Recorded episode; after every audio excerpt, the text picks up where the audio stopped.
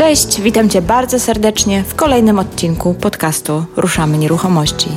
Ja się nazywam Marta Baczewska-Golik i na łamach tego podcastu pomagam osobom zainteresowanym tematyką nieruchomości zrozumieć pewne mechanizmy i prawa rządzące tym rynkiem. Jeżeli podobnie jak ja uważasz, że najlepiej zdobywać wiedzę od praktyków, a nie od teoretyków, to ten podcast jest dla Ciebie i mniej pewność, że wszystkie przeprowadzone tu wywiady są z ludźmi, którzy wiedzę zdobywali poprzez własne doświadczenie. Cześć, witam Was po wakacyjnej przerwie. No i od razu, od razu zaczynamy mega konkretnie ponieważ bardzo często dochodzą do mnie głosy, że rynek jest przegrzany, że nie ma sensu teraz inwestować, że nie ma tematów na flipy i tak dalej, i tak dalej, to postanowiłam z nowym rokiem szkolnym przedstawić Wam Grzegorza Tomiaka, który w niespełna rok rozwinął własną firmę w oparciu o tak zwane flipowanie, czyli kupuje tanio, remontuje i odsprzedaje z zyskiem. Grzegorz przeczy wszelkim komentarzom, jakoby rynek był zepchany i już nie da się na nim zarobić. Okazuje się, że się da i to całkiem fajnie. O tym, jak rozpocząć działalność, jaką formę działalności wybrać, jak zdobyć finansowanie na pierwsze inwestycje, opowie również o różnicach pomiędzy rynkiem pierwotnym a wtórnym, spółką ZO a działalnością gospodarczą i naprawdę na wiele, wiele bardzo technicznych pytań. Podcast był nagrywany na żywo w formie live'a na Facebooku, dlatego też Grzegorz odpowiada nie tylko na moje pytania, ale także osób, które uczestniczyły w tym wydarzeniu. Trzeba przyznać, że niektóre z tych pytań były naprawdę bardzo praktyczne. Dlatego zapraszam Cię do wysłuchania całego wywiadu, a przy okazji, jeżeli zastanawiasz się, dlaczego jednym się udaje zarabiać na nieruchomościach, a drugim nie, to koniecznie wejdź na stronę bit.ly ukośnik zarabiaj w nieruchomościach, bo na tej stronie znajdziesz trzy lekcje wideo, jakie nagrałam z Martą Smith na ten temat. Pierwsza z nich to, dlaczego niektórzy ludzie zarabiają na nieruchomościach, podczas gdy inni tego nie potrafią, jak pozyskać kapitał i znaleźć inwestorów, którzy ci zaufają i ufundują Twój projekt. I trzecia lekcja, jak zminimalizować ryzyko i pokonać strach. Te Lekcje wideo są zupełnie bezpłatnie, natomiast na tej stronie również zamieściłam link promocyjny do naszego kursu Pani na Włościach, o którym zresztą Grzegorz wspomina, bo jest jego absolwentem. No i oczywiście, jak się przekonasz za chwilę, jak posłuchasz całego wywiadu, okazuje się, że naprawdę świetnie sobie po nim radzi. Grzesiu, Witam Ciebie bardzo serdecznie.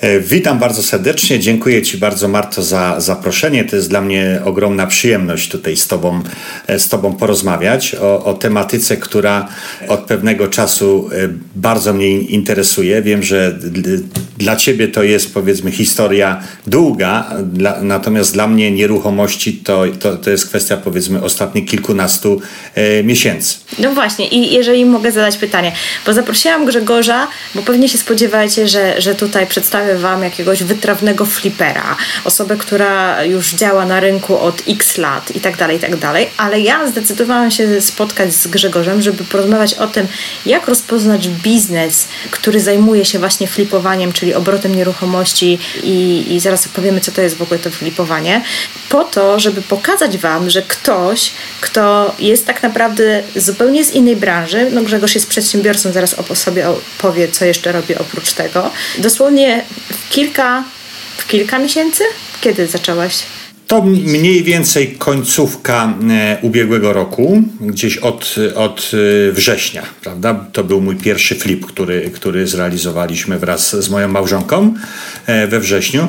Czyli osoba, która od kilku miesięcy zajęła się flipowaniem i postawiła tak naprawdę fajną e, firmę w, w, oparciu o tą działalność. W tej chwili realizuje cztery projekty inwestycyjne na rynku, który często nam mówicie, że jest totalnie zapchany, że już jest się ciężko wbić mówiąc tak kolokwialnie, że jest już pełno tych inwestorów, fliperów, każdy to robi i tak dalej, i tak dalej. Dlatego Grzesiu, chciałabym, żebyś tutaj opowiedział pokrótce swoją niedługą, ale bardzo intensywną historię, żebyś powiedział, kim jesteś, czym się też jeszcze zawodowo zajmujesz, żeby nasi słuchacze i osoby, które nas oglądają, miały taki szerszy pogląd.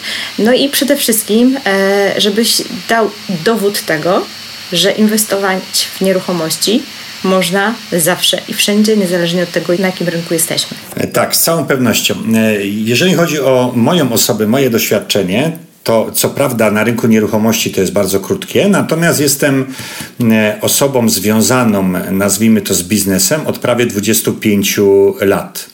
E, takim moim podstawowym e, przedmiotem, którym się zajmuję, e, to jest zarządzanie dużą firmą w branży metalowej. Jestem prezesem tej firmy, jestem jej menadżerem i to jest powiedzmy doświadczenie biznesowe, które tutaj mam bardzo duże. Prawda? Przechodziłem różne koleje losu w ramach prowadzonej firmy, zajmowałem różne stanowiska i powiedzmy to doświadczenie biznesowe bardzo daje mi teraz dużo w ramach działalności jako już przedsiębiorca w zakresie własnej firmy. Oczywiście inwestowanie w nieruchomości jest czymś y, takim nowym dla mnie, ale wykorzystuję w tej działalności swoją wiedzę biznesową w ogóle. I dlatego, e, patrząc na inwestowanie w nieruchomości, od początku założyłem sobie, że musi to być pewnego rodzaju system, który y, zbuduję.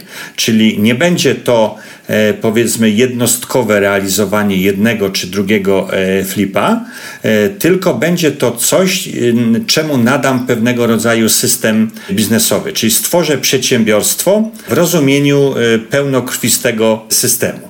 A zarządzać systemami potrafię, biorąc pod uwagę swoje doświadczenia, e, o których wcześniej mówiłem. Świetnie. Grzesiu, jakbym mogła Ci teraz jeszcze zadać takie pytanie, bo bardzo często e, padają pytania a propos flipów i w ogóle jak ktoś myśli o rozpoczęciu działalności związanej z obrotem nieruchomościami, jakikolwiek, to pytanie jest zawsze, czy można to robić jako osoba fizyczna. Czy lepiej jest takiego pierwszego flipa zacząć jako no po prostu przysłowiowy Jan Kowalski, czy od razu wchodzić w formę jakąś taką prawną, jeżeli chodzi o spółkę, czy działalność gospodarczą i tak dalej.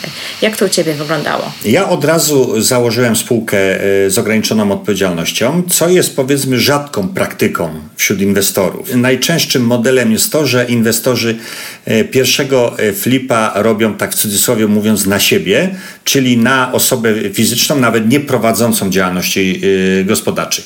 Czyli po prostu kupują mieszkanie, remontują i to mieszkanie e, sprzedają i rozliczają się na zasadzie tak, jak to robi osoba e, fizyczna.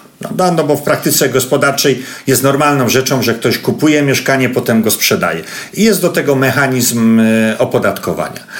Natomiast jeżeli chcemy tego robić więcej, to z całą pewnością musimy to robić w zakresie e, działalności gospodarczej takiej czy innej, e, dlatego że tutaj jest nawet wymóg formalny. Urząd Skarbowy w pewnym momencie może powiedzieć: Słuchaj, jeżeli ty to robisz w sposób powtarzalny, to popełniłeś powiedzmy delikt prawny, że tego nie zarejestrowałeś.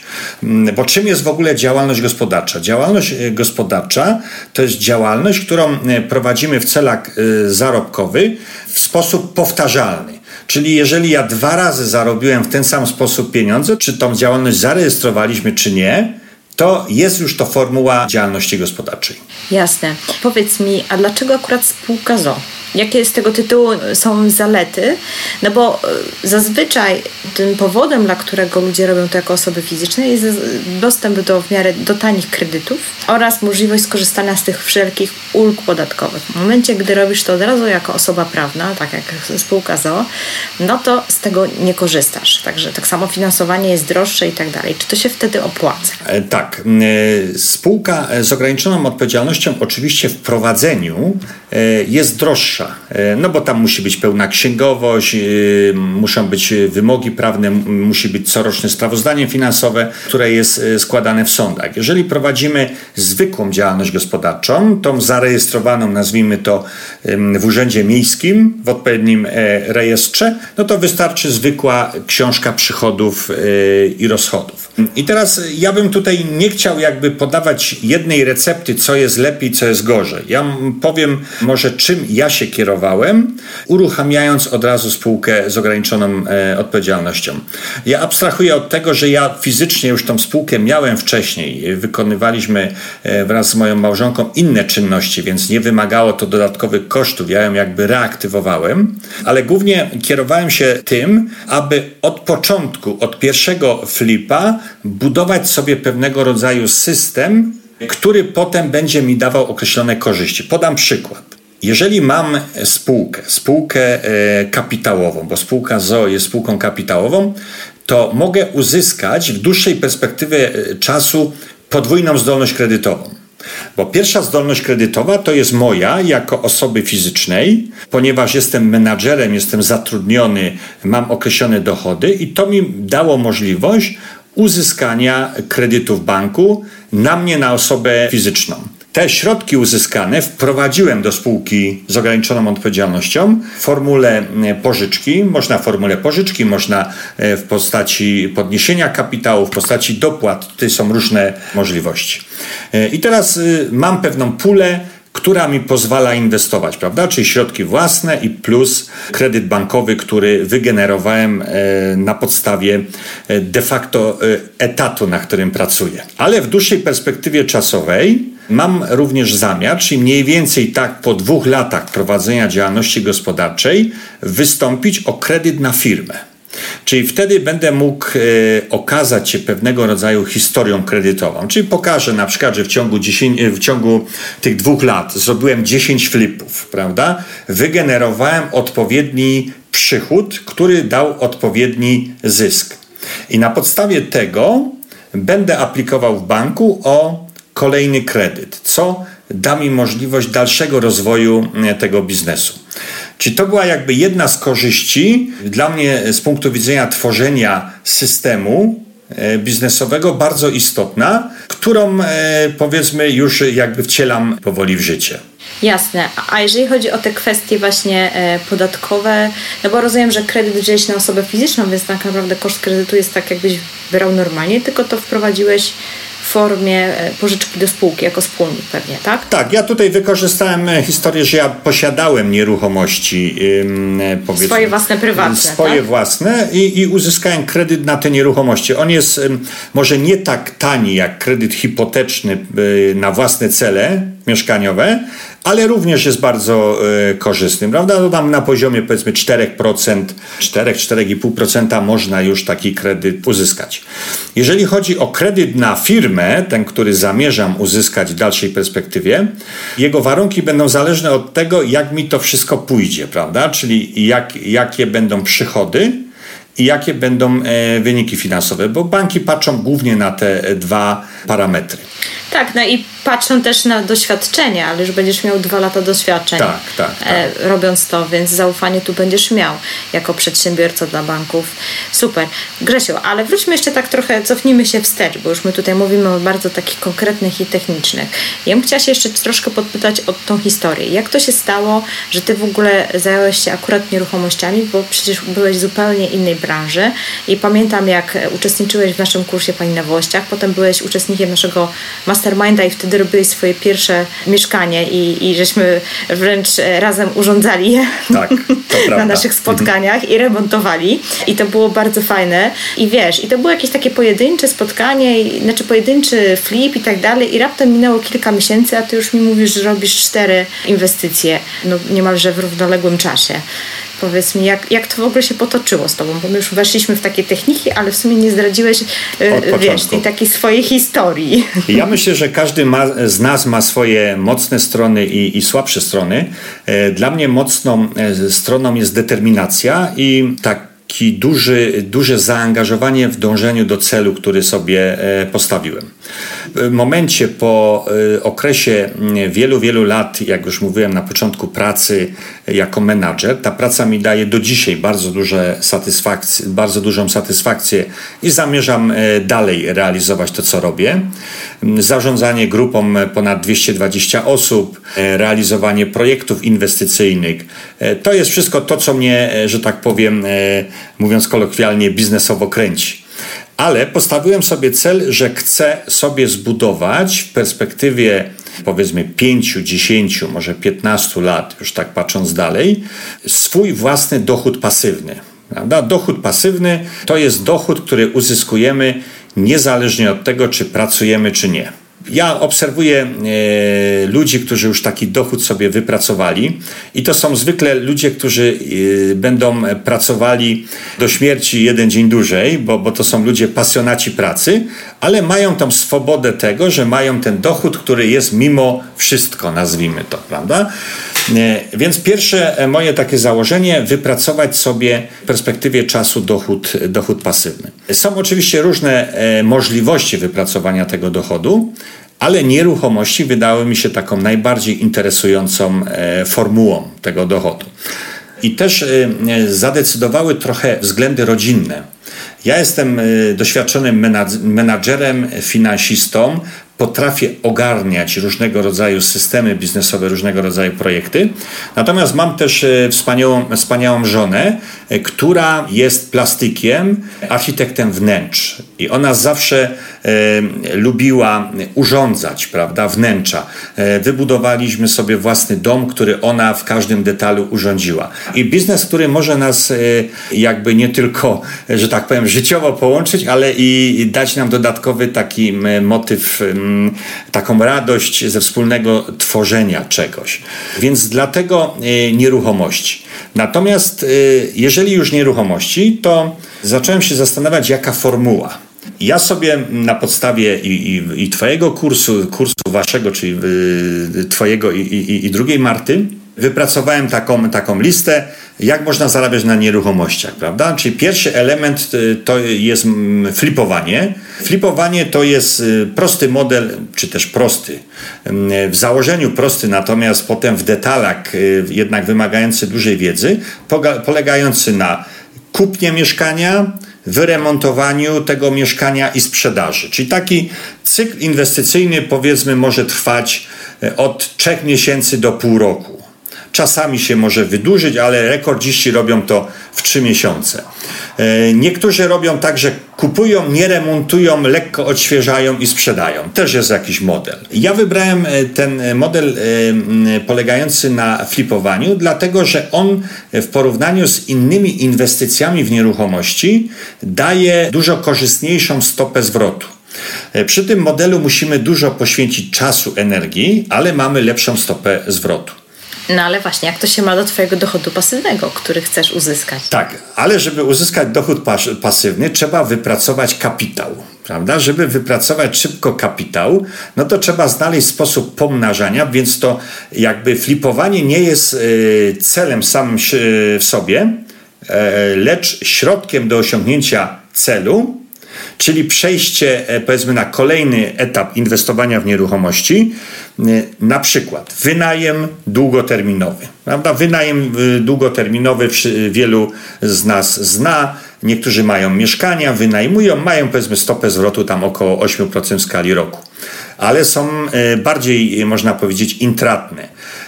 Wynajem krótkoterminowy Airbnb, e, Booking.com, prawda, tego typu e, systemy, gdzie te stopy zwrotu wy o tym uczycie, prawda, na swoich, na swoich szkoleniach są znacznie większe. Jeszcze jest bardzo ciekawy też sposób tego dochodu pasywnego, który też wiąże się z pewnego rodzaju pracą, ale jeżeli się to odpowiednio zautomatyzuje, to, e, to już to nie jest jakiś duży nakład. To jest wynajem na pokoje, prawda? Czyli we wszystkich miejscowościach, najczęściej akademickich, dużych miejscowościach, polega to na tym, że e, kupuje się duże mieszkanie, w takim przypadku wydziela powiedzmy 4-5 pokoi, częścią wspólną jest łazienka, kuchnia i wynajmuje się poszczególne pokoje.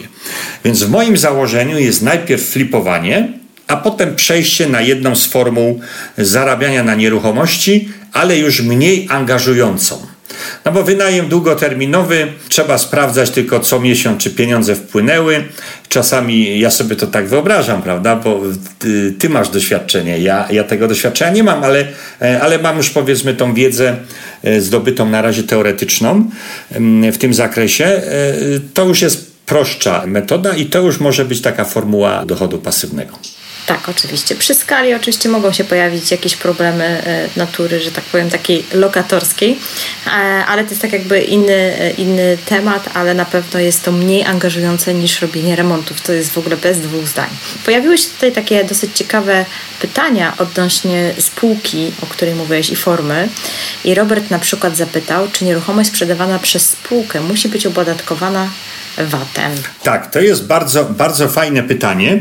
I teraz roz, y, rozgraniczyłbym dwa rodzaje nieruchomości, czyli nieruchomość nabytą na rynku wtórnym, i tutaj obowiązują dokładnie takie same regulacje prawne, jak y, osobę fizyczną prowadzącą działalność gospodarczą. Czyli w skrócie to ujmując, sprawa wygląda w ten sposób, że kupujemy bez VAT-u, nie odliczamy VAT-u od y, materiałów budowlanych, od usług i sprzedajemy również bez VAT-u. Tutaj regulacja jest dokładnie ta sama. Czyli odpowiadając krótko, rynek wtórny bez VAT-u. Natomiast rynek pierwotny, on nawet powiedziałbym dla swojej opłacalności wymaga prowadzenia działalności yy, gospodarczej. Dlaczego? Kupując mieszkanie na rynku pierwotnym, kupujemy to mieszkanie z 8% VAT-em.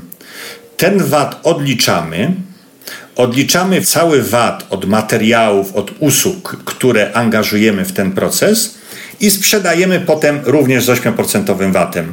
Czyli jest normalny akt notarialny, ale wystawiamy fakturę, gdzie jest netto 8% VAT-u i brutto. E, I teraz, jeżeli byśmy chcieli ten e, model zrobić bez działalności, to wtedy byśmy nie mogli VAT-u odliczyć, jakbyśmy nie byli VAT-owcami, a byłoby ryzyko, że Urząd Skarbowy chciałby nam ten VAT odliczyć, na, e, naliczyć potem, to 8%. Czy my nie odliczamy, a przy sprzedaży byłoby ryzyko, że musielibyśmy naliczyć. Dlatego ja jestem za tym, żeby nie uciekać od działalności gospodarczej, prowadzić to zgodnie e, z literą prawa. Powiedziałbym, że nawet jest to e, opłacalne, bo zwróćcie uwagę, że jak kupujemy materiały, to mamy 23%. Odliczamy 23, a potem naliczamy 8 prawda? Więc to wszystko, jeżeli zbudujemy sobie odpowiedni system, można powiedzieć, ten system nam potem również od strony tej takiej podatkowej popłaca. Grzesiu, a możesz się podzielić jakimś swoim e, case'em, jak to wyszło właśnie, e, jak robisz to przez spółkę ZO? E, tak, to podzielę się może dwoma case'ami. Jeden case to jest mieszkanie, bo inwestuję w Bielsku Białej. Jedno mieszkanie to jest mieszkanie zakupione na rynku wtórnym, lata 60. Bardzo fajne doświadczenie, bo w tym mieszkaniu musieliśmy zrobić praktycznie wszystko, czyli trudno mi sobie coś, co byśmy musieli dodatkowo zrobić.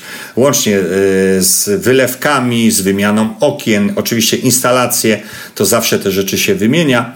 E, ściany trzeba było prostować, więc było dokładnie wszystko, więc to był taki fajny case, żeby tego biznesu się nauczyć i też gdyby ktoś inny to robił, nie my, to można by się na tym case'ie zniechęcić też, prawda? Bo to naprawdę było dużo, dużo pracy, dużo wysiłku.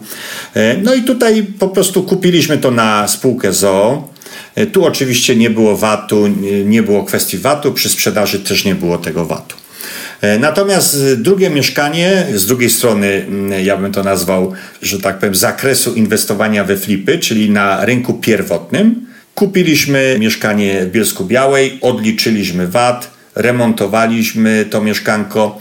E, oczywiście remont mieszkania kupionego na rynku wtórnym jest znacznie tańszy, no bo nie wymieniamy już instalacji, są e, okna, e, jest piękna, pachnąca, można powiedzieć, struktura na rynku, ja powiedziałem wtórnym, tak? Na rynku pierwotnym, e, tak, na rynku pierwotnym. Jest piękne e, mieszkanko, piękna klatka sodowa, zwykle zagospodarowane. No jest prostszy, tak? Jest, jest bo, prostsze. Bo na wtórnym nigdy nie wiadomo, co, co tam, że tak powiem, w szafie tak. znajdzie się, da, jakie daje, są trupy w szafie, daje, daje to bardzo duże, e, nazwijmy to, da, bardzo dużą satysfakcję robienie takiego mieszkania, chociaż e, zauważyliśmy, powiedzmy, na tych inwestycjach, które robimy, że jest to dłuższy cykl inwestycyjny, prawda? Niewątpliwie, bo e, rzadko się zdarza tak, żeby można było od dewelopera od razu to mieszkanie przejąć. Zwykle trzeba poczekać 2, 3, 4 miesiące. Akurat w tym przypadku, w tym drugim case, o którym omawialiśmy, omawiałem, mieszkanie było od razu do, do wykorzystania, prawda? Czyli to było mieszkanie, które e, pozyskaliśmy od dewelopera. Mieliśmy może szczęście, że ktoś to mieszkanie kiedyś chciał kupić, ale potem nie dostał kredytu, ono się zwolniło, no i myśmy jakby weszli w prawa, w prawa tej, tej osoby. Więc no, są to dwa sposoby i cieszę się, że właśnie zaczęliśmy inwestowanie od takich skrajnych modeli, bo poznaliśmy zalety jednego i drugiego. Jest tutaj Robert dopytuje o te kwestie podatkowe, ale myślę, że to jest fajne pytanie, więc je podświetlę. Robert się pyta, czy w takiej sytuacji, jak kupujesz od dewelopera i potem sprzedajesz i naliczasz ten 8% VAT, to czy wystawiasz fakturę i czy wówczas nabywca, podobnie jak nabywa to od dewelopera, jest związany z, e, zwolniony z podatku PCC? Tak, wystawiam fakturę i nabywca, ponieważ jest faktura, jest VAT, to jest taka ogólna zasada, że wtedy nie ma PCC. Czyli koszty transakcyjne są dużo, dużo niższe. Prawda? No bo 2% od mieszkania, które kosztuje powiedzmy 350 tysięcy, które musiałby klient zapłacić, to jest dużo. Więc to jest plus, niewątpliwie. E, że ten VAT, prawda, się rozlicza, kupuję, odliczam, e, sprzedaję, naliczam, więc on VAT nigdy nie, nie, nie jest kosztem tutaj dla mnie a nie ma podatku PCC. To jest bardzo duża korzyść. Czyli odpowiadam twierdząco, nie ma PCC. Jasne. Kasia się jeszcze dopytuje, jakbyś mógł e, porównać zalety jednego i drugiego sposobu inwestowania. Czyli na rynku wtórnym i na rynku pierwotnym. Niewątpliwie tak. E, jakbyśmy to tak prześledzili po kolei. Zaangażowany kapitał na rynku pierwotnym ten kapitał musi być większy, na rynku wtórnym jest mniejszy. No bo mieszkanie na rynku pierwotnym, potem wyremont, nie, nie, nie określałbym słowa wyremontowane, tylko zaaranżowane, prawda, czy też wykończone, jest droższe od rynku wtórnego. Ale jak udało mi się powiedzmy ustalić, rentowność między jednym i drugim jest bardzo podobna. Rentowność liczona procentowo, czyli nominalnie na rynku pierwotnym udaje się więcej zarobić, tylko trzeba więcej zaangażować e, kapitału. Czyli robiąc jedno mieszkanie, można więcej zarobić. To, to jest powiedzmy taki element.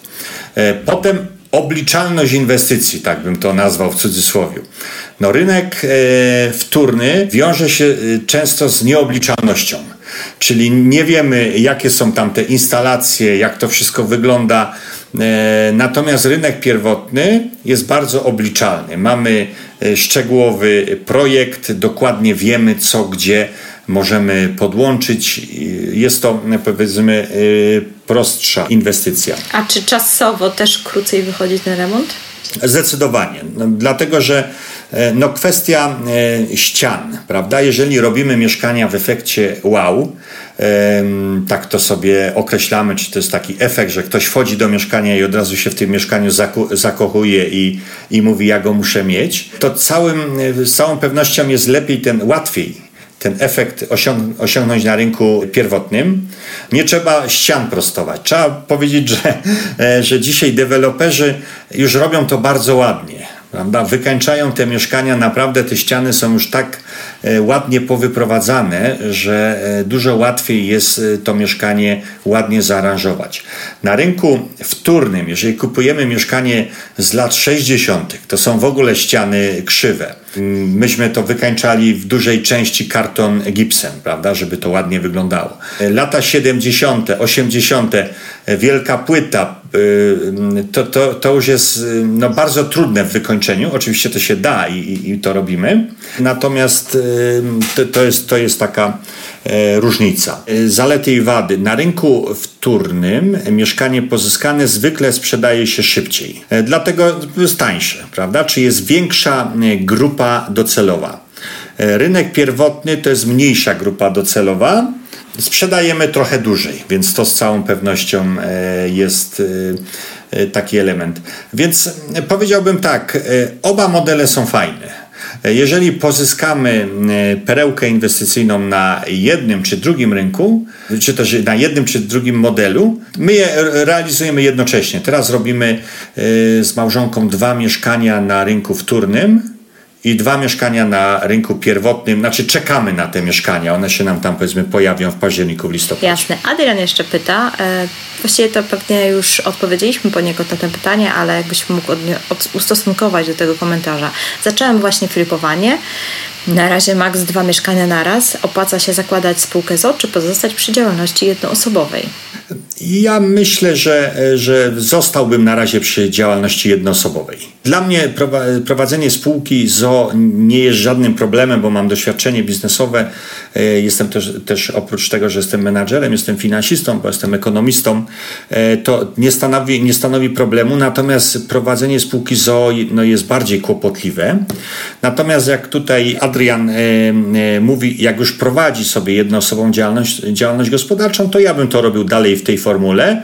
Jeżeli będzie te, y, będziesz tego robił więcej, to wtedy warto y, przekształcić jednoosobową działalność na spółkę ZOO, bo jest taka, jest taka możliwość. Jeszcze jest jeden ważny element y, spółki ZOO. Tutaj można powiedzieć, że jest podwójne opodatkowanie i to byłby minus. Dlaczego podwójne? Najpierw płacimy podatek dochodowy CIT w tej spółce i ten podatek na dzień dzisiejszy jest 15%, jeżeli jest to spółka e, mała, spółka ZO. A powiedzmy, no przy tej skali, którą my robimy, to jeszcze długo będzie mała, bo to tam jest e, ten, ten pułap, kiedy jest duża, dość wysoki. Nie pamiętam dokładnie, e, jaki to jest poziom, ale dość wysoki. Jest 15%, ale jeżeli byśmy chcieli wyjąć pieniądze z tej spółki, to wówczas musielibyśmy zapłacić podatek od dywidendy. Ale jeżeli ja zakładam, że ja tą spółkę mam po to, aby budować kapitał, to ja tych pieniędzy nie wyciągam z tej spółki. Nawet bym powiedział, jest to pewnego rodzaju taki element motywujący. Słuchaj, ty tych pieniędzy nie możesz wyjąć, bo musiałbyś zapłacić podatek. Ale wiesz, że ja mam podobnie? Ja też mam spółkę ZO. No, Rozumiem to. to. Podobnie, prawda? No, więc ten kapitał się tam jakby z natury musi budować. E, I teraz no chciałbym mieć taki problem, e, powiedzmy za kilka lat, że już będzie to bardzo duży kapitał i będę miał problem, jak go wyjąć, prawda? Więc, więc jakby ten element e, pomijam. No, ja tego kapitału nie będę wyjmował, tylko go będę potem jakby reinwestował w postaci, powiedzmy, najmu e, krótkoterminowego. No i wtedy już można sobie pozwolić na tam wy, wyjęcie w formie dywidendy, prawda? Jeżeli to już jest kapitał duży. Natomiast e, w warunkach e, polskiego prawa wiem, że jest regulacja, nie wiem czy ona już została wprowadzona, skierowana właśnie do spółek kapitałowych, tych małych, że ten podatek ma być nie 15, ale mówiono bodajże o 7 albo 8%. Czy to będzie jeszcze niższy podatek? Ale już weszły te regulacje? Te regulacje są przygotowywane, bo to jest y, takie trochę zrobione, e, można powiedzieć, pod publiczkę przez polskie władze. Oni mówią, że będzie spółka ZOO, będzie podatek powiedzmy 7 czy 8%, ale dotyczy to tych małych e, spółek, a tych małych spółek jest bardzo mało. No bo, bo jak, to, jak ktoś ma małą działalność, to nie zakłada spółki ZOO ale ponieważ tak jest, no to to jest y, dodatkowy taki element, który może zachęcić do tego, żeby te spółki zakładać, prawda? No bo 7-8% y, to naprawdę przy, to nawet no to w Tajlandii jest, jest wyżej, bo jest 10%. A co niektórzy wiemy, że uciekają do Tajlandii. Ja to może sprawdzę jutro, jaki jest y, tutaj sytuacja w zakresie tych regulacji i tam gdzieś u Ciebie na grupie może super, napiszę wtedy, super, jeżeli bo ja się chętnie, uda, uda Ja sama ustalić. jutro, że tak powiem, przepytam moją księgową w tym temacie. Też jestem zainteresowana. Mhm. Jak to wygląda? Dokładnie. E, tutaj jeszcze pojawiają się takie pytania. E, Anna pisze, jak pozyskujesz nieruchomości na rynku wtórnym? Gdzie ich szukasz? Nieruchomości na ten moment e, pozyskuję głównie poprzez pośredników, czy to jest nawiązywanie e, relacji z pośrednikami umówienie z, poś z pośrednikiem odpowiedniej marży, czy, też odpowiedniego uposażenia dla pośrednika za e, polecenie takiej nieruchomości, czy też pośrednictwo w sprzedaży. Więc to jest taki podstawowy e, sposób. Ale pierwszą nieruchomość pozyskałem, jest taki fajny portal Monitor. To jest portal, który cały czas, jakby, e, jak sama nazwa mówi, monitoruje wszelkie portale ogłoszeniowe, które są, które, że tak powiem, na rynku i wyrzuca te ogłoszenia. I można wtedy być pierwszym, zadzwonić, kupić, zarezerwować takie mieszkanie. Jedyny minus, jaki ja zauważyłam tego portalu, ponieważ jestem z Trójmiasta, to ja tak naprawdę nie mam wąsko ustawionych myśli, że tylko Gdańska, bo tylko Sopot, albo tylko Gdynia. Ale niestety portal dotyczy jednego miasta, albo trzeba trzy abonamenty wykupić na trzy miasta. Więc e, w przypadku Trójmiasta, szczerze powiedziawszy, to wychodzi dosyć drogo. Bardzo fajną formułą jest, na pewno ty Marto to znasz, bo wiem, że y, jesteś pośrednikiem. Nie, nie wiem, czy, czy, obecnie praktykujesz, ale byłaś kiedyś pośrednikiem nieruchomości w ramach swojego y, Jestem, portfolio jeszcze działalności. Działam. To, to na pewno znasz taki portal, y, portal ogłoszeń prywatnych. Mhm. POP to się tak, nazywa. Oczy. Ja korzystam z SAC. A to jest to samo. Tak, do tego portalu mają dostęp tylko pośrednicy nieruchomości, ale prawdę mówiąc, można w sposób łatwy również uzyskać dostęp, jeżeli się prowadzi działalność gospodarczą i w PKD tej działalności jest pośrednictwo nieruchomości. To tak. wówczas e, tak, można bo oni weryfikują wykupić, po PKD.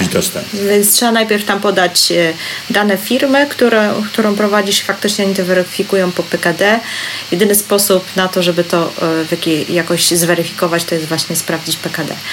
Także możecie po prostu sobie dopisać do PKD faktycznie pośrednictwo w obrocie nieruchomościami i e, będziecie mogli sobie wykupić. To jest bardzo fajne, są bo zarówno POP, jak i SAC polegają na tym, że one zbierają ogłoszenia prywatne.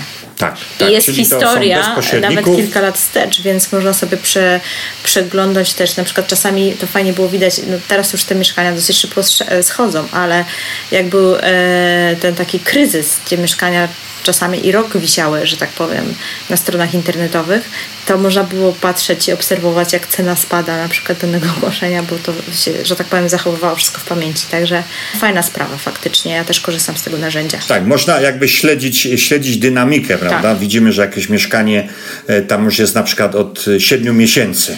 Prawda? To też jest fajne dla, dla osób, które się zajmują poddajmem. To tak trochę zmienię teraz temat, bo e, na przykład historia wynajmowanych mieszkań jest też co najmniej ze dwa, czy nawet trzy. SAC jest młodszy, więc ma krótszą historię niż POP. Mhm. A wiadomo jest tak, że w Polsce standardowo się wynajmuje na rok. Więc można wrócić do tych e, właścicieli, którzy tam gdzieś około rok temu mieli ogłoszenia, bo prawdopodobnie im się umowy kończą. Więc można wtedy nich dzwonić. Także czasami też to robię. To z takich, e, że tak powiem, chwytów yy, pośredników. Z takiej kuchni pozyskiwania, pozyskiwania z kuchni mieszkania. pośrednika, tak, tak, tak, że to jest, to jest fajne. Jakieś tak, pytanie, mamy tutaj tak? pytanie od Mateusza. Mateusz pyta tak, gdy, czy gdy sprzedam wynajmowane poza działalnością gospodarczą mieszkanie, na przykład po dwóch latach wynajmu, to czy tę sprzedaż muszę rozliczać w ramach działalności gospodarczej dodam, że działalność gospodarcza zajmuje się obrotem nieruchomościami. E, ja nie wiem, czy ja rozumiem to pytanie, ale Mateusz, jak możesz, to dopisz, czy to mieszkanie było kupione na ciebie prywatnie, czy jako osob- czy na działalność gospodarczą? Czy jak to było? Mhm. Znaczy ja, my, ja myślę, że w takich, pyta- w takich przypadkach zawsze dobrze um, upewnić się u, prakty- u praktyka powiedzmy y, księgowego y, czy też u prawnika. Natomiast myślę, że jeżeli sprzedajemy mieszkanie, które było elementem jakby naszego majątku niewprowadzonego do działalności gospodarczej, to prawdopodobnie możemy skorzystać z tych ulg, ale tutaj nie chciałbym prowadzić błąd. Tak, Mateusz pisze, że kupione prywatnie, czyli myślę, że bez problemu możesz sprzedać jako osoba prywatna, o ile nie wprowadzałeś do, e, do działalności gospodarczej do dzia- tego tak, mieszkania. Tak, tak. I jest jeszcze jedno fajne pytanie od Justyny. Justyna pyta, Grzegorz, a jak godzisz pracę na etacie z prowadzeniem działalności? Zwłaszcza jak zaczynałeś ten biznes? Tak, to jest y, bardzo, dziękuję Justynie za to pytanie, bo to, to jest bardzo dobre pytanie. Ja myślę, że jeżeli y, robi się coś z pasją, y, z zamiłowaniem, to jest to dużo łatwiej pogodzić. A zwłaszcza, że ja jeszcze tą swoją działalność gospodarczą prowadzę z moją żoną, która nie pracuje, więc on, ona ogarnia te wszystkie kwestie, nazwijmy to operacyjne, prawda? Czyli aranżacja mieszkania. Mówiłem, że to jest jej, to jest, to jest jej profesja, e, ale potem nadzór ekip budowlanych, załatwianie spraw, powiedzmy, u dostawcy mediów, bo to trzeba wszystko najpierw przepisać na, na siebie, potem to wyrejestrować, więc to są e, jakby takie czynności operacyjne, które trzeba wykonać. Więc odpowiadając na to pytanie, ponieważ robię to z małżonką, to jest mi dużo łatwiej. Samemu bym tego pewno e, nie ogarnął ze względu na, na moją tą działalność e, menedżerską, ale robiąc to jedno i drugie z pasją, myślę, że jest to bardzo łatwo pogodzić. E, są soboty, są niedziele, wykorzystuję, mówiąc w cudzysłowie, mojego 16-letniego syna, który jakieś tam powiedzmy kwestie związane z zakupami do remontów pomaga mi to przywieźć, zawieźć, prawda, więc te wszystkie rzeczy. Angażuję całą e, swoją czy, czy osobową rodzinę w, te, w to przedsięwzięcie. Super, Grzesiu. Ja jeszcze mam do Ciebie takie pytanie odnośnie um, tego, jak w tym wszystkim Ci pomogły nasze kursy. E, jakbyś mógł e, powiedzieć, bo e, mamy teraz jeszcze do dzisiaj, do końca dnia, czyli do północy, e, promocję na wszystkie nasze produkty w naszym sklepie internetowym, łącznie z Mastermindem. E, mamy już, już kilka osób się zebrało, tam pozostało jedno dosłownie miejsce, także jakbyście byli zainteresowani e, Mastermindem, to polecam, bo w tej chwili mamy 50% zniżki na wszystko. A więc jakbyś mógł jeszcze opowiedzieć, tak trochę od strony, e, że tak powiem, e, tego, na ile te szkolenia były pomocne i dały Ci, nie wiem, motywację lub konkretne narzędzia do tego, żeby zacząć działać. E, odpowiadając tak powiedzmy jednym e, słowem czy dwoma słowami pomogły bardzo. Natomiast rozwijając, rozwijając tą moją odpowiedź, Przede wszystkim fajnie to prowadzicie, dlatego że pokazujecie różne modele inwestowania w nieruchomości, prawda? Czyli w, na tym, powiedzmy, kursie takim, nazwijmy to ogólnym, można poznać wszystkie e, modele, te takie najbardziej popularne, natomiast potem to rozszerzacie e, w ramach kursów już takich tematycznych, prawda? Jak zaobserwowałem, mieliście najem bodajże krótkoterminowy, prawda? Jako zupełnie zupełnie niezależne. Także e, tutaj jestem Wam e, wdzięczny i bardzo się cieszę, że mogłem uczestniczyć w tych Waszych kursach. I mówię to nie tylko dlatego, że Obie Marty bardzo lubię, bo jesteście bardzo fajnymi, sympatycznymi dziewczynami, które no, dużo w życiu osiągnęły i teraz dzielicie się tą wiedzą i to jest bardzo, bardzo cenne. Natomiast mówię to również ze względu na to, że potem swojej tej działalności e, inwestycyjnej wielokrotnie tą wiedzę wykorzystałem. Można z Wami się kontaktować cały czas, prawda? Można powiedzieć, że się już zaprzyjaźniliśmy, więc, więc kontaktujemy się nie tylko na tym gruncie nieruchomościowym. A powiedz mi, czy te spotkania co dwa tygodnie, jak się spotykaliśmy na Mastermind, czy one były faktycznie takie popychające Cię do przodu w działaniach? E, tak, z za rzadko, za tak, często, tutaj... albo, albo powinny być częściej? Nie, myślę, myślę że częstotliwość e, właściwa, dlatego że w tej działalności inwestycyjnej to nie jest tak, że to się tak dzieje coś z godziny na godzinę. To są jednak procesy, które trwają, prawda? E, kupno mieszkania, remont, sprzedaż, więc te, ten, te cykle dwutygodniowe są bardzo fajne. Bardzo to pomaga, dlatego że zrobienie tego pierwszego kroku Powiedzmy, ja z tym tam większego problemu nie miałem, bo ja generalnie biznesu się nie boję, ale dla kogoś tak sobie wyobrażam, kto jeszcze nigdy żadnej działalności nie prowadził, nie, nie miał jakiejś takiej dużej odpowiedzialności, no to jest jednak pewnego rodzaju e, trudność, prawda? Kupno tego mieszkania, często uzysk- wzięcie kredytu. E, zawsze e, jest ten taki krytyk y, wewnętrzny, który mówi, a to jest ryzyko, może, możesz na tym popłynąć, nie rób tego, prawda? Więc to y, takie spotkania mastermindowe tutaj na pewno w tym zakresie pomagają. Ale też mam jeszcze też taką jedną, y, powiedzmy, uwagę, takie swoje przemyślenie natury bardziej ogólnej. Mm, mentoring. W ogóle występowanie mentoringu w Polsce. Ja to zjawisko obserwuję od kilku, kilkunastu lat jak ja kończyłem studia, to ja z takim zjawiskiem w ogóle się nie spotkałem. Czyli mentoring polega na tym, że ktoś prowadzi y, określoną formę działalności gospodarczej i potem uczy innych, jak tą działalność prowadzić. Y, tutaj taka maksyma bardzo mi się zawsze e, podoba, która mówi, jeżeli chcesz dojść e, w jakiś punkt, to, to zapytaj kogoś, kto już tam był albo tam jest w tym punkcie, jak to zrobił. E, nie wyważaj otwartych drzwi. Jeżeli chcesz dostać się z Krakowa do Warszawy, to możesz pojechać Pendolino i to jest ten mastermind, to, to są te szkolenia, a możesz iść pies, pieszo, też dojdziesz, tylko z większymi problemami, z, z większymi trudnościami i w dłuższym czasie. E, więc z całą pewnością e, warto e, korzystać właśnie z takiego mentoringu, z takich szkoleń, które, które w szczególności te, które wy oferujecie z drugą marką. Super, wielkie dzięki za rekomendację.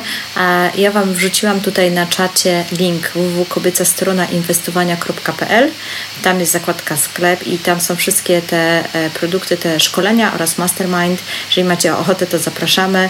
Jeżeli chodzi o mastermind, to naprawdę tam zostało jedno, albo może nawet nawet, znaczy jeszcze dzisiaj w ciągu dnia były dwa miejsca, ale wiem, że chyba się coś sprzedało, więc chyba już zostało jedno, więc kto pierwszy, ten lepszy, wrzucajcie i zapraszamy do naszej grupy, jeżeli jesteście gotowi do działania.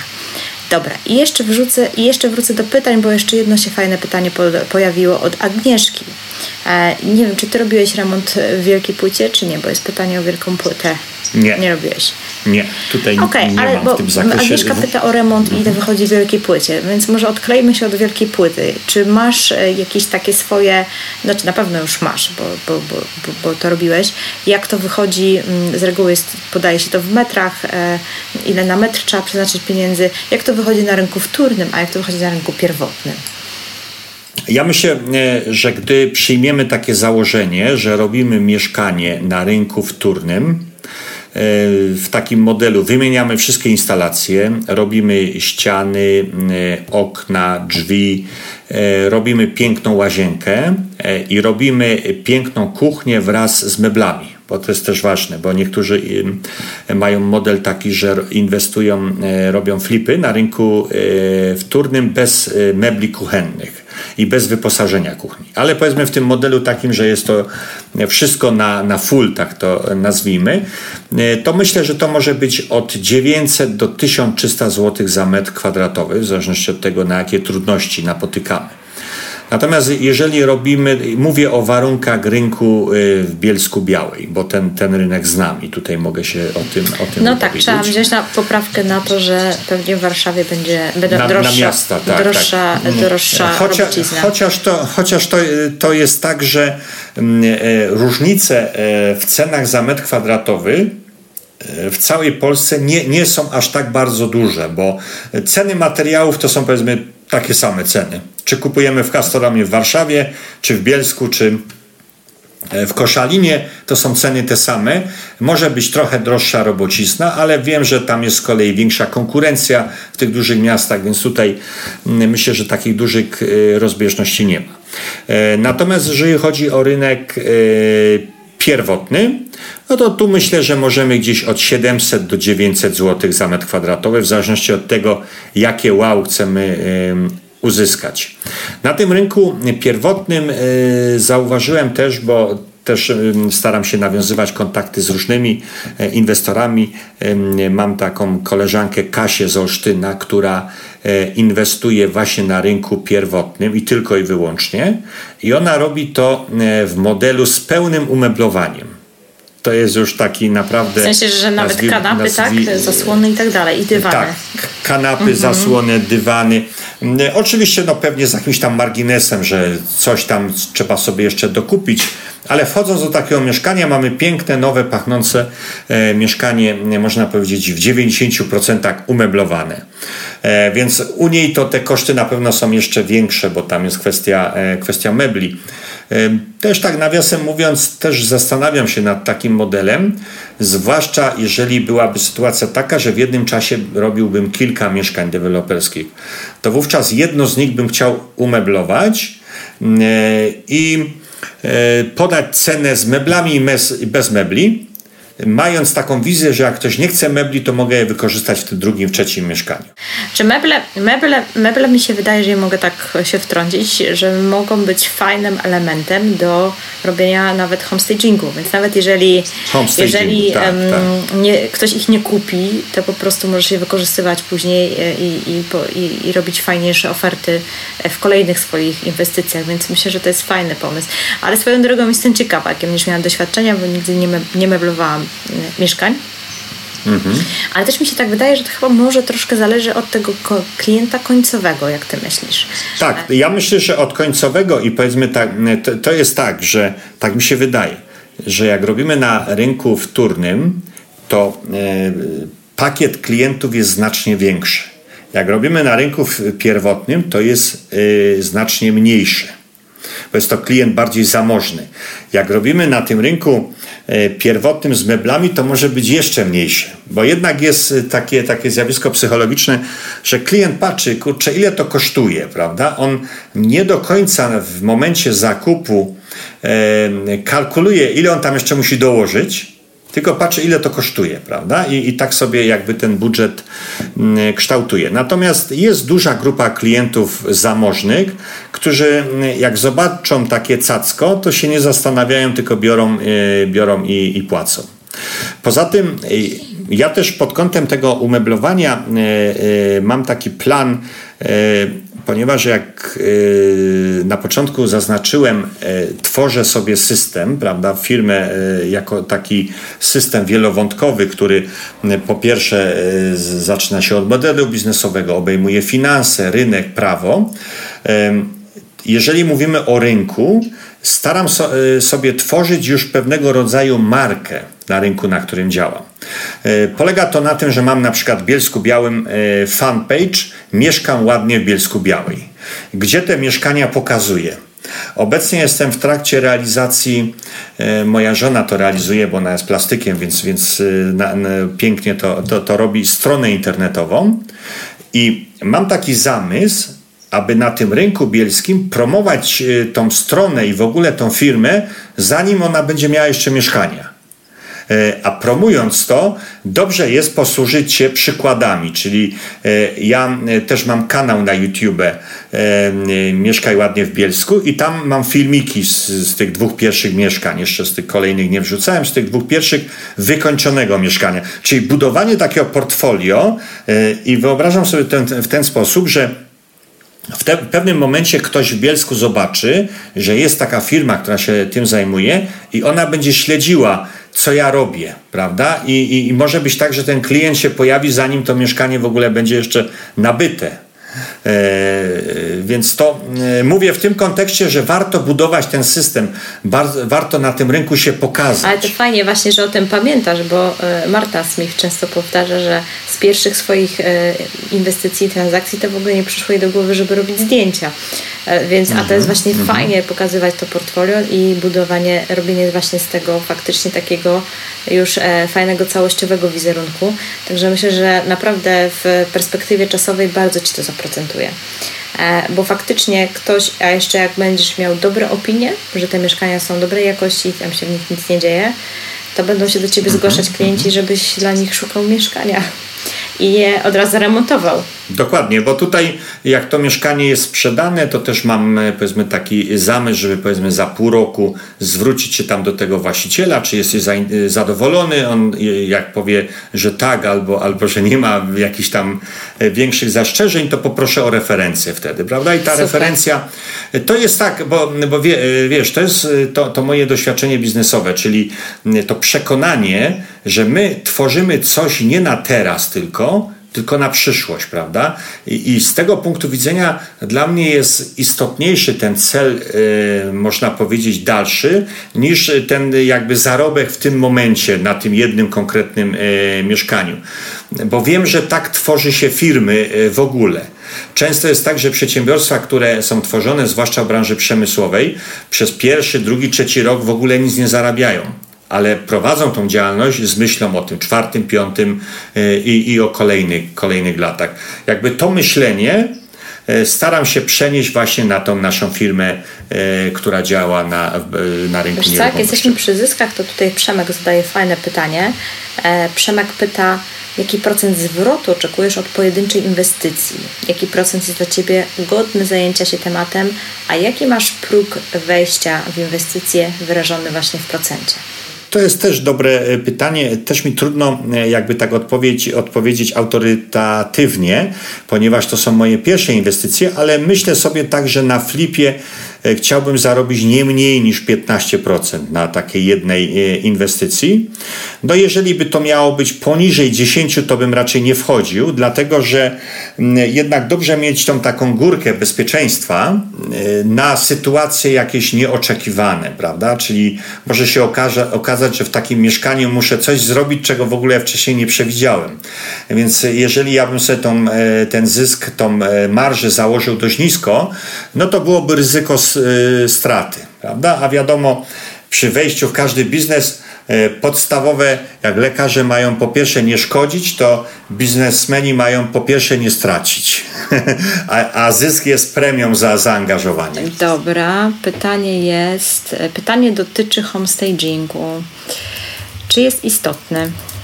Tak, homestaging jest bardzo istotny e, z mojego punktu widzenia. Tak jak obserwuję ogłoszenia o sprzedaży mieszkań, e, to powiedzmy 90% e, mieszkań jest nie dość, że bez homestagingu, to w ogóle jakieś tam powiedzmy zabagnione, mówiąc w cudzysłowie, z jakimś bałaganem, bardzo mnie dziwi, że coś takiego e, jest e, wystawiane.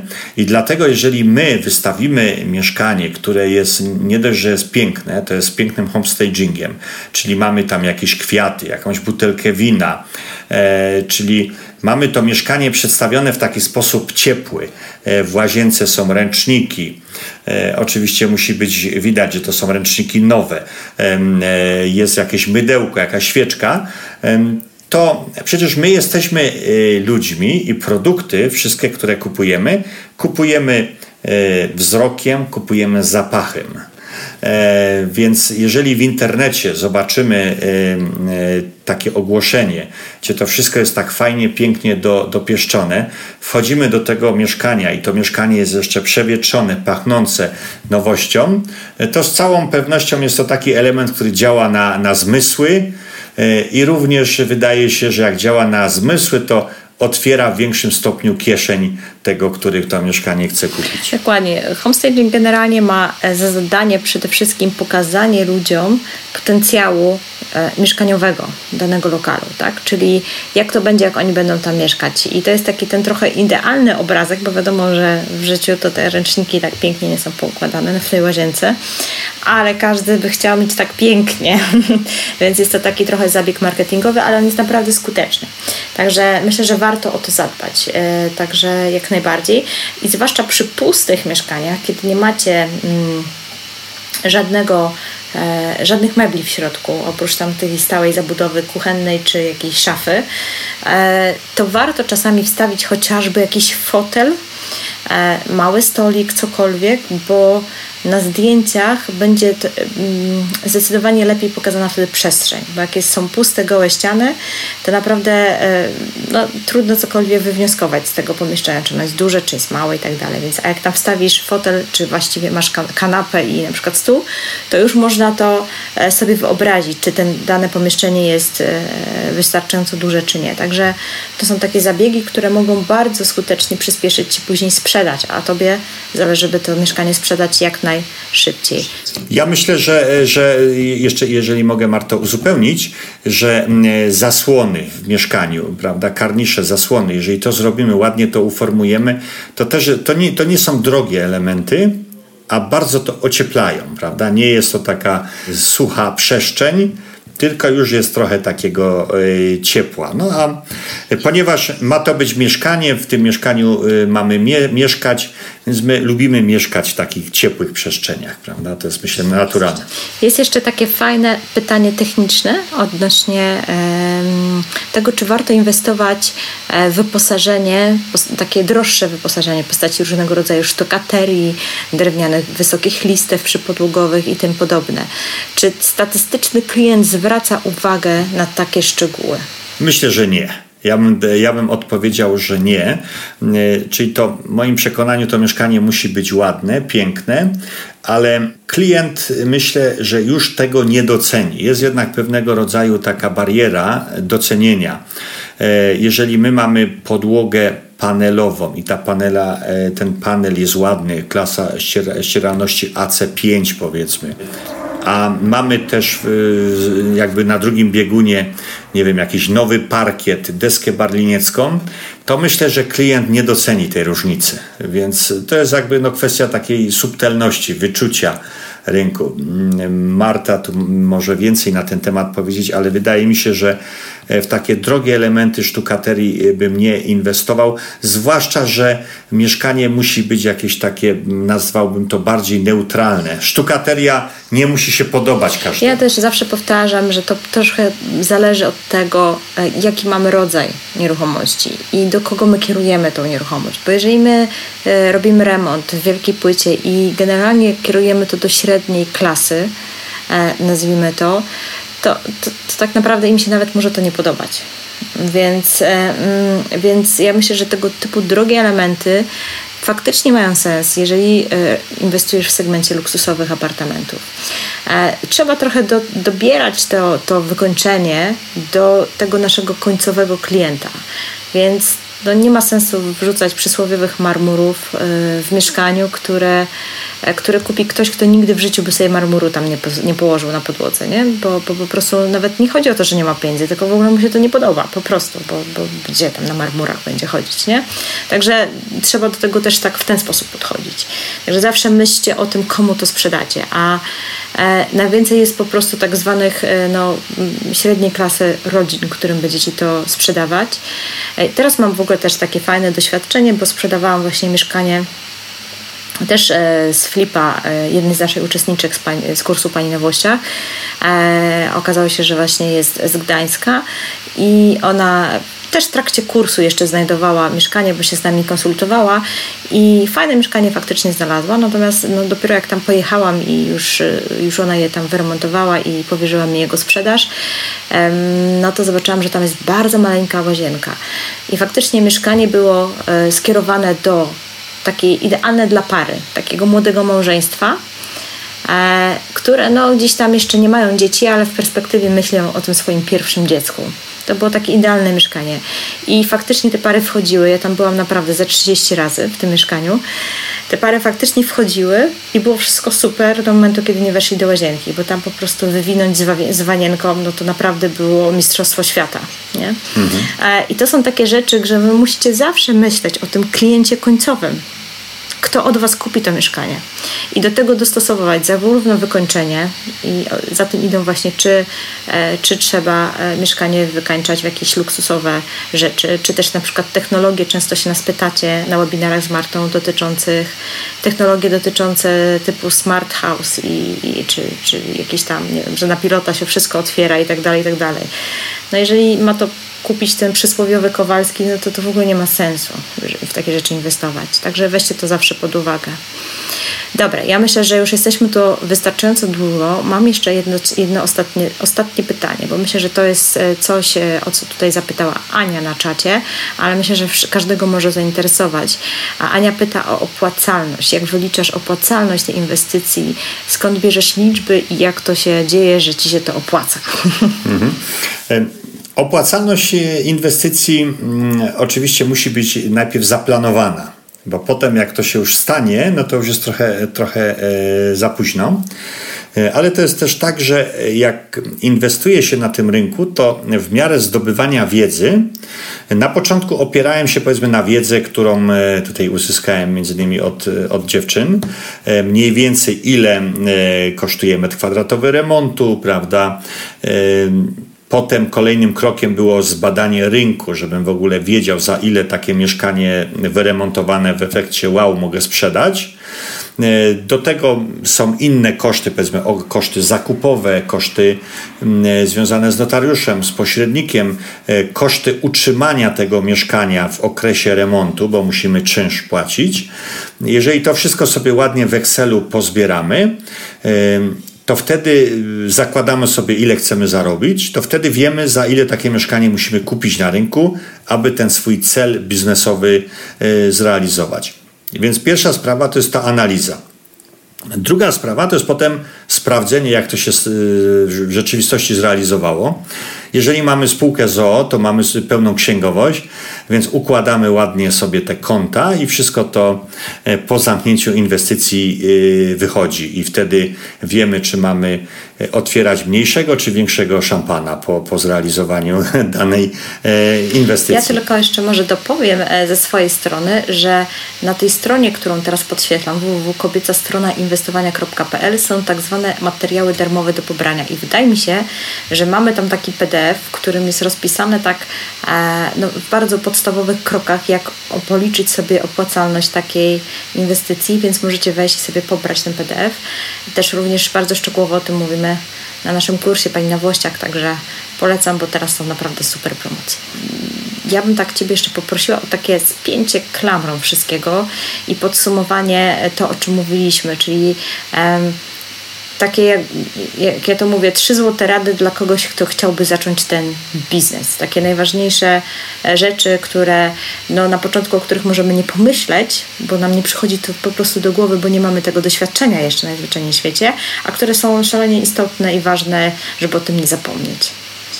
E, tak, ja myślę, że z takich prawda, podstawowych rzeczy to jest przede wszystkim zdobyć odpowiedni zasób wiedzy. E, bo nie ma nic gorszego jak inwestowanie w nieruchomości takie ad hoc że ktoś coś powiedział, że to się opłaca, e, jak się to kupi i sprzeda, to się zarobi. To absolutnie w taki sposób nie można postępować w, w nieruchomościach, ale i w żadnym innym biznesie. Więc dlatego e, dobrze jest skończyć e, sobie jakiś dobry kurs, na przykład u, u, u Mart, wziąć udział w takim mastermindzie, bo to też jest taka fajna formuła potem już takiego face to face wymiany poglądów. Więc to jest taki pierwszy element. Drugi element jest taki, żeby się tego nie bać, prawda? Bo jak już mamy wiedzę, no to ten strach też się nam trochę, trochę e, minimalizuje. I trzeci element, zacząć e, działać od razu, jeżeli te warunki są już spełnione, czyli nie odkładać tego na, za rok, za dwa, za trzy, bo to jest tak, że też e, jest taka maksyma, jeżeli coś, chcesz coś, coś zrobić, to e, znajdziesz rozwiązanie. A jak nie chcesz czegoś zrobić, e, to znajdziesz wymówkę, znajdziesz uzasadnienie, prawda, że to się nie opłaca, tego nie warto, nie, nie warto, nie warto robić. Więc powiedziałbym w ten sposób, to są, to są te takie trzy rzeczy formalne, a potem z praktycznego punktu widzenia oczywiście nie iść na skróty czyli zbadać rynek, e, określić sobie e, swój model, czyli za ile chcemy remontować. E, wszystko to sobie bardzo fajnie teoretycznie określić, no i potem przejść do realizacji w rzeczywistości. Dużo nawiązywać kontaktów. Myślę, że w świecie nieruchomości to jest bardzo ważne, wśród pośredników. E, ja nie wiem, Marto, ty może to potwierdzisz. E, występuję na różnego rodzaju konferencjach, bardzo interesuję się tym zagadnieniem. Wraz z małżonką jeździmy, bo jest to taka kuźnia wiedzy i też czerpiemy przyjemność ze spotkań. Między innymi tak Ciebie poznałem, Mar Martę, e, nazwijmy to angielską, prawda, w cudzysłowie e, mówiąc. Więc e, jest kwestia tego rodzaju, że ta wymiana poglądów jest bardzo istotna i ludzie, którzy inwestują w nieruchomości, mają jakieś takie specyficzne DNA, specjalnie są ukształtowani. Przynajmniej tych, których ja spotkałem, są sympatyczni, otwarci i są ludźmi, z którymi chce się rozmawiać. Ja się spotykam potem na stopie przyjacielskiej z wieloma inwestorami. Ja tak sobie myślę, że to pewnie wynika z kilku rzeczy. Pierwsza rzecz to jest taka, że wcześniej czy później na jakimś etapie inwestowania e, gdzieś zaczynamy poszukiwać czy kapitału, czy kogoś do spółki, robimy jakiś wspólny interes, albo ktoś komuś poleci, ktoś nie może zrobić deala, tobie odstąpi i tak dalej. Więc pomimo, że teoretycznie konkurujemy na tym rynku, bo szukamy i chcemy znaleźć jak najlepszą okazję dla siebie, to tak naprawdę wcześniej czy później gdzieś tam zaczynamy wspólnie współpracować faktycznie. E, I to się dzieje i, i wiele jakichś spółek takich e, kapitałowych się tworzy, e, grupowego inwestowania i tak dalej. To jest pierwsza rzecz. Druga rzecz jest taka, że to, co powiedziałaś, jest bardzo ważne, zwłaszcza dla osób, bym powiedziała, które nie mają wsparcia w swoim bliskim otoczeniu, a chcą zacząć to robić.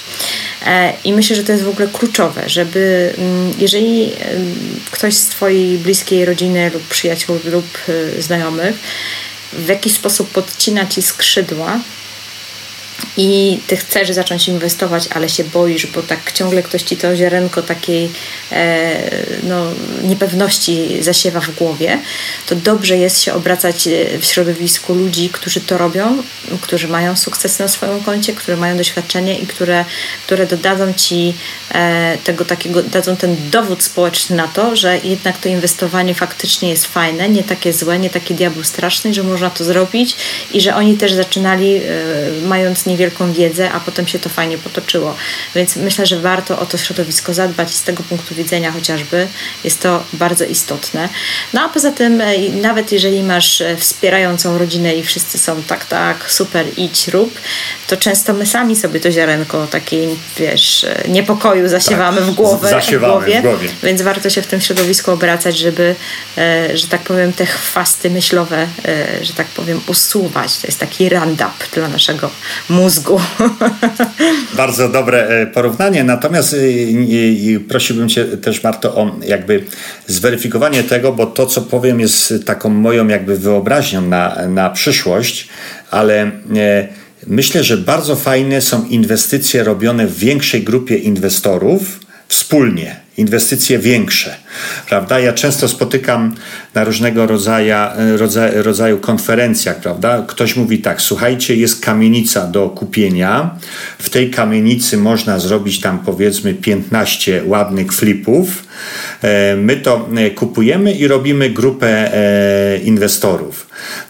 I myślę, że po przejściu przez taki etap inwestowania samodzielnego, nauczenia się tego biznesu, Potem wejście w grono innych inwestorów daje jeszcze większą, e, że tak powiem, torpedę do, do rozwoju. E, dlaczego tak jest?